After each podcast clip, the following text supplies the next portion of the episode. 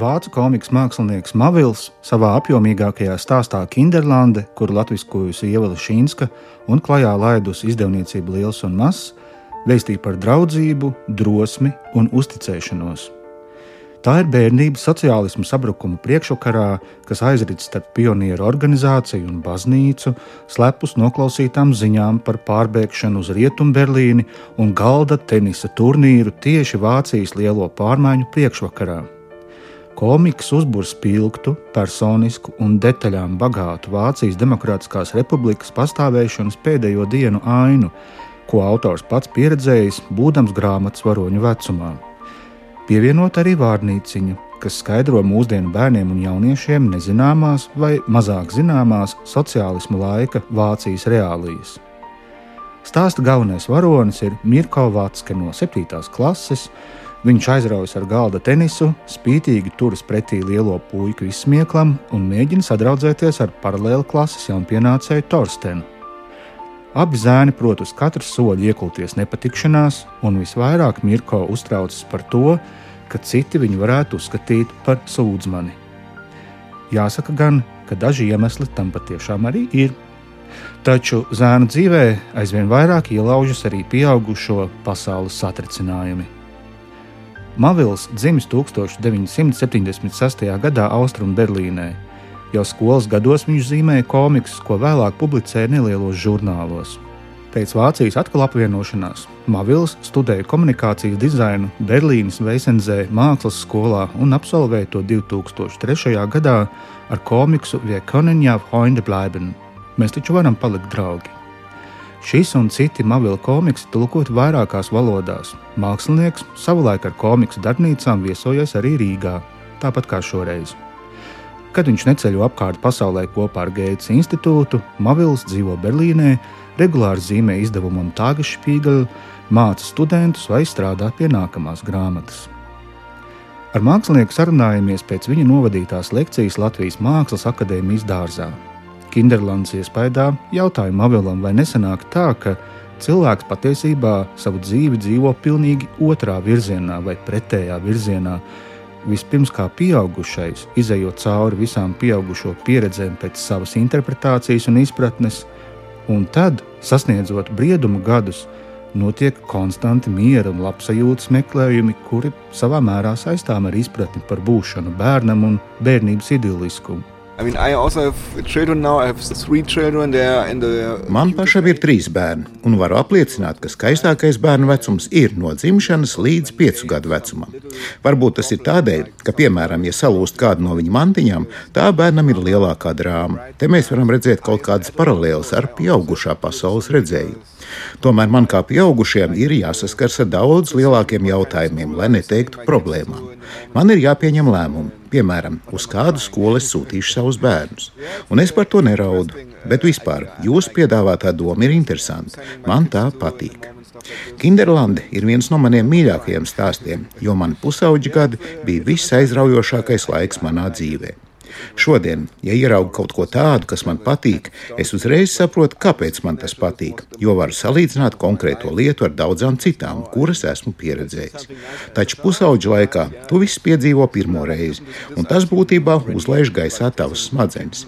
Un kaut vai pirmā mīlestība, tā taču ir vispār kaut kāds pilnīgs trakums. Paskaidroju, ka iepriekš noraksturoto sajūtu manī raisīja politiskās vides nomācošā klātbūtne, ja ne bērnu, tad agrīnu pusauģu dzīvē noteikti. Pionieru zvērsti, svētku parādes un savā ziņā pat galvenā varoņa Mirko kalpošana par altāru zēnu parāda nemitīgu gatavošanos pieaugušo dzīvei, kuru politiskā iekārta jau ir sagatavojusi skaidru un konkrētu. It's very hard Your... Uh, ir ļoti grūti audzināt savu bērnu ļoti izteikti brīvā veidā, jo tādējādi tu nemitīgi viņu gatavo tām lietām, kuras pats esi iedomājies par būtiskām dzīvē. Ļoti vienkāršs piemērs. Es pats bērnībā biju ļoti kautrīgs, un kad es šodien redzu, ka mans dēls ir ļoti kautrīgs, es vēlos, lai viņš tāds nebūtu. Un sākas uzspiešana. Nē, es tik kautrīgs, nē, es tik kautrīgs. Bet, nu, protams, man nevar nosaukt par izglītības ekspertu. Tā arī ir taisnība. Savā prezentācijā Latvijas Mākslas akadēmijas studentiem Mavils, starp citiem savu komiksu piemēriem, parādīja arī kādu zīmējumu no bērnības perioda, kuru pieglabājuši viņa vecāki - milzu burinieka šķērsgriezumu ar tā apkalpi. Teju ko līdzīgu varam redzēt Renesanses laika gravīrās, tādējādi mākslinieka talants jauno autoru ir apmeklējis jau agrīnā vecumā.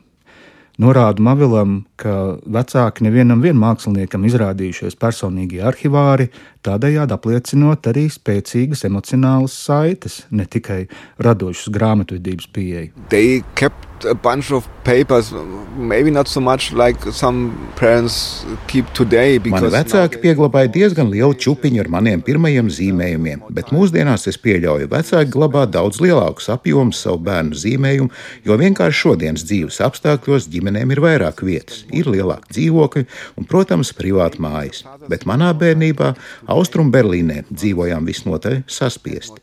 Vecākiem arī ir vairāk laika saviem bērniem. Kas interesanti, mūsdienās tas īpaši attiecināms uz tēviem. Agrāk vairāk laika ar bērnu pavadīja tieši sievietes, un tā ir vēl viena pārmaiņa. Un, protams, tas, ka ir laiki, kuros vecāki savos viedauļņos uzņem vidēji 3 līdz 5 foto ar savu bērnu.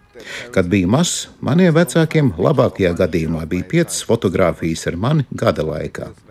Jokojoties, jāsaka, ka tolaik bērni nebija tik super populāri. Tātad, atgriežoties pie zīmējumiem. Pieļauju, ka mani māma un tēvs tajos ieraudzīja kaut kādas perfekcionismu pazīmes. Tieši no pieaugušo vērtējumu skatu punkta. Skolas biedri bieži lūdz manas zīmējumus sev par piemiņu, un reiz pat uzvarēja kaut kādā skolas zīmējuma konkursā. Tā taču ir, ka vecāki izjūt lepnumu redzot, ka viņu bērns ir spējīgs uz kaut ko īpašu. No sērijas. Mans puika varbūt nav komandas spēlētājs, bet kas viņam par bumbas spērienu un tādā garā.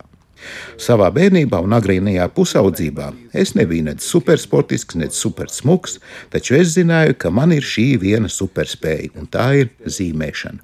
To zināja arī mani vecāki, manas māsas, mani tuvākie draugi, kur nemitīgi taujāja pēc jauniem zīmējumiem, kurus iegūt savā īpašumā. Tā nu pateicoties šai superspējai, es varēju paraudzīties pāri, metaforiski izsakoties citu lielumam. Jo atceros savus novērojumus par to, ka tā dēvētajiem normālajiem un populārajiem vienaudžiem bija grūti atrast to, kas aizrautu viņus un tādējādi veidot viņu raksturu. Šajā ziņā man kā nūģim bija vieglāk, jo kaut arī visu laiku bija kaut kur maliņā, man vismaz bija viena lieta, kur man izdevās un ar kuru es biju zināms visiem pārējiem. Vismaz tā man ar šodienas acīm skatoties liekas. Jo es ļoti agri zināju, kādā virzienā es savā tālākajā dzīvē došos. Uzsveru Mavila komiksa kinematogrāfiskumu. Tajā ar uzviju tiek izmantots gan kino scenāriju, teātras dramaturgijas, literatūras un arī vizuālo stāstu konstruēšanā pazīstams paņēmiens, kuru dēvē par cliffhanger, jeb kliņškāpēju. Proti, tā ir situācija, kas ir aizraujoša tādēļ, ka tās beigas vai rezultāts ir neskaidrs, līdz tas galu galā pienāk. Komiksa Kinderlande saistošākās epizodes nereti ir prasmīgi pārtrauktas, atstājot lasītāju neziņā, bet tādējādi arvien vairāk ievelkot uzmanību atainotajā pasaulē. Jautājumā Vilam, kā viņš komentētu kino ietekmi šī stāsta tapšanā. Book, and uh, book was my longest book so, uh, so far, and I think it will ever be my longest book. Kinderlanda ir mans garākais komiks, un tāds tas arī mūžam paliks. Kad sāku pie tā strādāt, bieži gāju uz tuvējo bibliotēku pēc dažādām grāmatām, kurās bija aprakstīti kino dramaturgijas pamati. Tajās uzzināju virkni āķīgu risinājumu un triku, kurus izlasot, nereti bija jāķer pie pieres un jānosaka pie sevis. Nu jā, pareizi. Tas taču ir tik vienkārši, kā es pats par to neiedomājos. Daudz ko no aprakstītā biju redzējis Holivudas filmās, bet nezināju, ka katram paņēmienam ir savs speciāls vārds un konkrēti noteikumi, kā tam jābūt izrisinātam. Taču te arī parādās risks, ka izmantojot šos principus, tu nevis radi filmu, bet konstruē to. Protams, tas izklausās loģiski, un tā jau tas praksē arī notiek, bet es ļoti nevēlējos, lai manā komiksā būtu jūtama šī konstruēšanas pieeja. Tāpēc no dažiem stāstu veidošanas trikiem es atteicos pilnībā, bet par citiem atļāvos paironizēt. Piemēram, pārvēršot vienkāršu galdu tenisa maču starp skolas puikām par titānu cīņu, kur norisinās starp debesīm un zemi. Vēl viena lieta, ko apgūnu no kino veidošanas, bija storyboard izmantošana, proti, attēlu sekvence vēl neizkrāsotā un neieskanētā veidā, tāds kā savu veidu melnraksts. Bez tā ir neiespējams strādāt, jo, ja ieraugu kādu kļūdu vai neprecizitāti fināla variantā, kaut arī tā ir tikai viena lapa, visa diena ir, teiksim tā, jāizmet miskastē. Atvadoties Mavils Kinderlandes latviešu izdevuma titullapā, man par piemiņu iezīmē abus galvenos komiksu varoņus - Mirko un Torstenu. Diezgan sajūsmināts saku, ka tas ir tiešām apbrīnojami, cik lielu dzīvību var panākt pāris vienkārši pildspalvas vilcienus papīra. Jā, nu, man bija pietiekami ilgs laiks, lai trenētos. Viņš smaidot atbildēja, sniedzot man vienu no interesantākajiem stāstiem par nepavisam netik senu pagātni.